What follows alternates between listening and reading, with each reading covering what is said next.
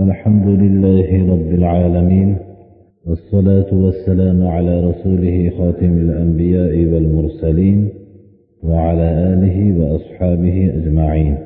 أما بعد السلام عليكم ورحمة الله.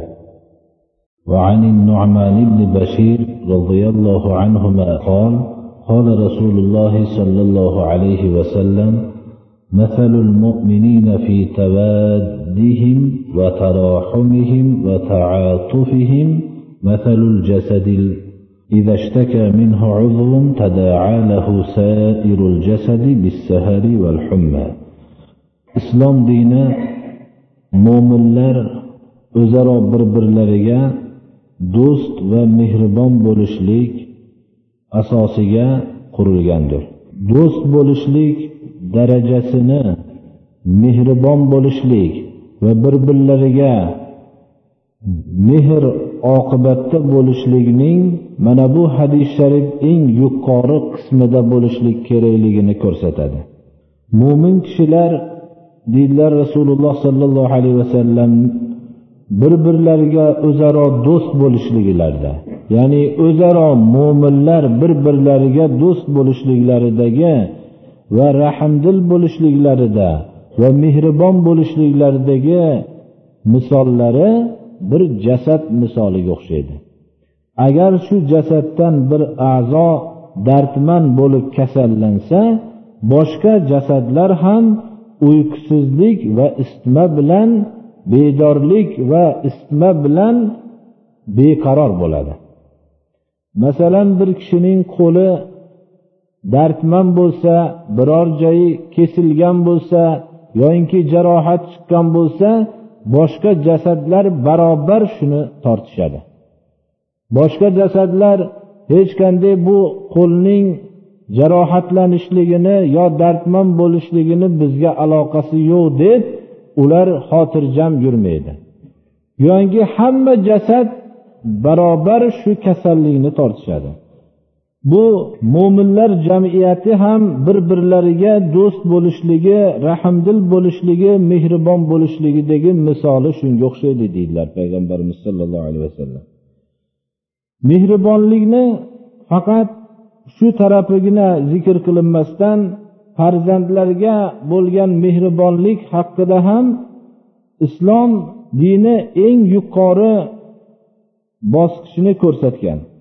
Mana bu quyidagi rivoyat qilinmoqchi bo'lgan hadis abu hurayradan roziyallohu anhudan rivoyat qilingan قبل النبي صلى الله عليه وسلم الحسن بن علي رضي الله عنهما وعنده الأقرع بن حابس فقال الأقرع إن لي عشرة من الولد ما قبلت منهم أحدا فنظر إليه رسول الله صلى الله عليه وسلم فقال من لا يرحم لا يرحم aqro ibn hobis ismli sahoba bo'lgan o'rinda roziyallohu anhu rasululloh sollallohu alayhi vasallam nabiralari imom hasanni o'pdilar erkalatib o'pdilar shunda aqro aytdilarki mening o'nta farzandim bor birortasini hanuzgacha men o'pgan emasman yo rasululloh dedilar Shunda rasululloh sollallohu alayhi vasallam qaradilarda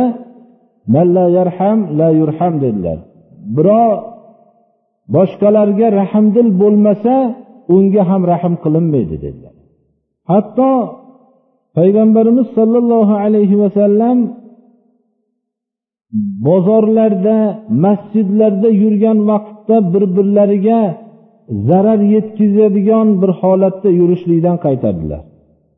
Abu muso ashariydan rivoyat qilinadiki rasululloh sollallohu alayhi vasallam aytdilarki man marra fi shay'in min masajidina aw aswaqina va ma'ahu nablun falyumsik aw liyaqbid ala nisaliha bikaffihi an yusiba ahadan min al-muslimina minha shay'un.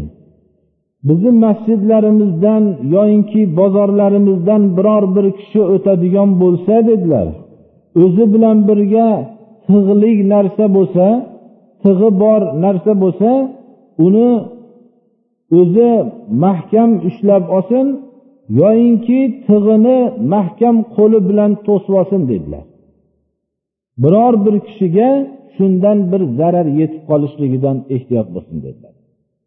Hatto shu zarar yetkazishlikni payg'ambarimiz sollallohu alayhi vasallam mana bozorlarda shunday o'rinlarda ham bir birlariga zarar yetkazib qoladigan holat topilmasligini oldini olib shu so'zlarni aytdilar. Ashobi ikromlar aksar ularning masalan qarorgohlari ko'proq masjid bo'lardi. Masjiddan jihod e'lon qilinsa shu yerga ketishardilar.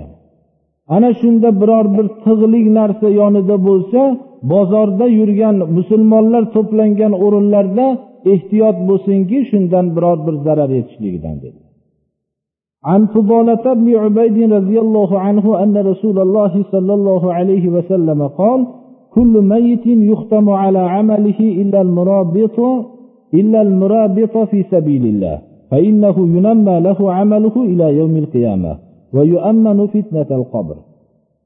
inson vafot qilsa hamma amali to'xtaydi deb aytilingan uchta amali davom etib turadi.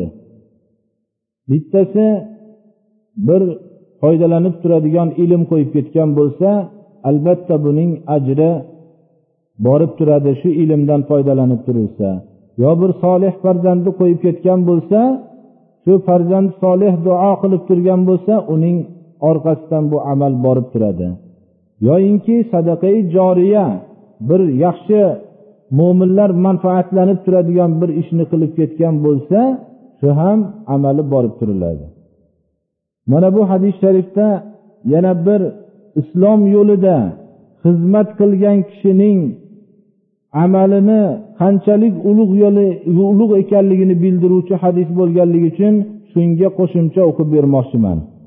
Har bir mayit o'tgan dunyodan o'tib ketgan kishining amali xatm qilib ya'ni tugatilinadi ammo olloh yo'lida o'zini bog'lab ollohni yo'lida o'zini tikib shu yo'ldagi xizmatga faqat ollohni rizosi uchun shu xizmatga tikib xizmat qilib yurgan kishilar shu soatlarida o'tib ketgan bo'lsa ularning amali ana shu soatdagi amali qiyomatgacha yozilib turilar ekan birodar. Qiyomat kunigacha ollohni yo'lida o'zini tikib murobbiy deb biror bir islomni xizmati bilan bedor bo'lib shu islomning xizmati uchun o'zini bog'lab faqat shundan boshqa narsani umid qilmasdan turgan kishini aytiladi. Shu yo'lda vafot qilgan kishilarning amali qiyomat kunigacha ko'paytirilib turilar ekan. Go'yoki tirikdek shuning amali oxirgi amali yozilib turar ekan. Va shu bilan birga azobi qabrdan qabrdagi savol javobdan xotirjam qilinar ekan. Butun bu insonni qabrida ishi o'nglangan bo'lsa uni narigi tarafdagi amallari hammasi inshaalloh o'nglanadi qabrdagi fitnaiki deyilgan savol javobdan xotirjam qilinar ekan. Ollohni yo'lida ketgan kishilar nima alloh taolo hammamizni shu hadislarga amal qilishlikka alloh taolo tavfiq bersin. Allohu akbar.